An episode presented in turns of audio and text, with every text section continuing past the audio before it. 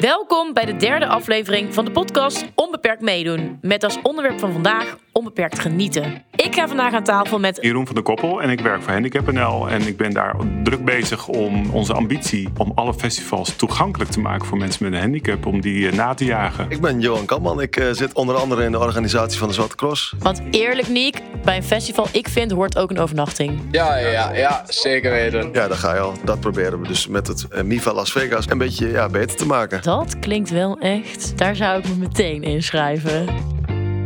Inmiddels twee nieuwe gasten bij mij aan tafel aangeschoven. Ik ben Koen. Ik ben binnen de directie van de Efteling verantwoordelijk voor commercie, creatie en ontwikkeling. Ik ben Richard de Witte. Ik ben secretaris van de NVA Noord-Brabant-Zeeland. Als ik gewoon kijk puur naar de Efteling, hoe toegankelijk ze zijn, dan denk ik dat er heel veel door een voorbeeld aan kunnen nemen. Je hoeft het dus niet 100% goed te doen als je maar ziet dat er überhaupt over nagedacht is.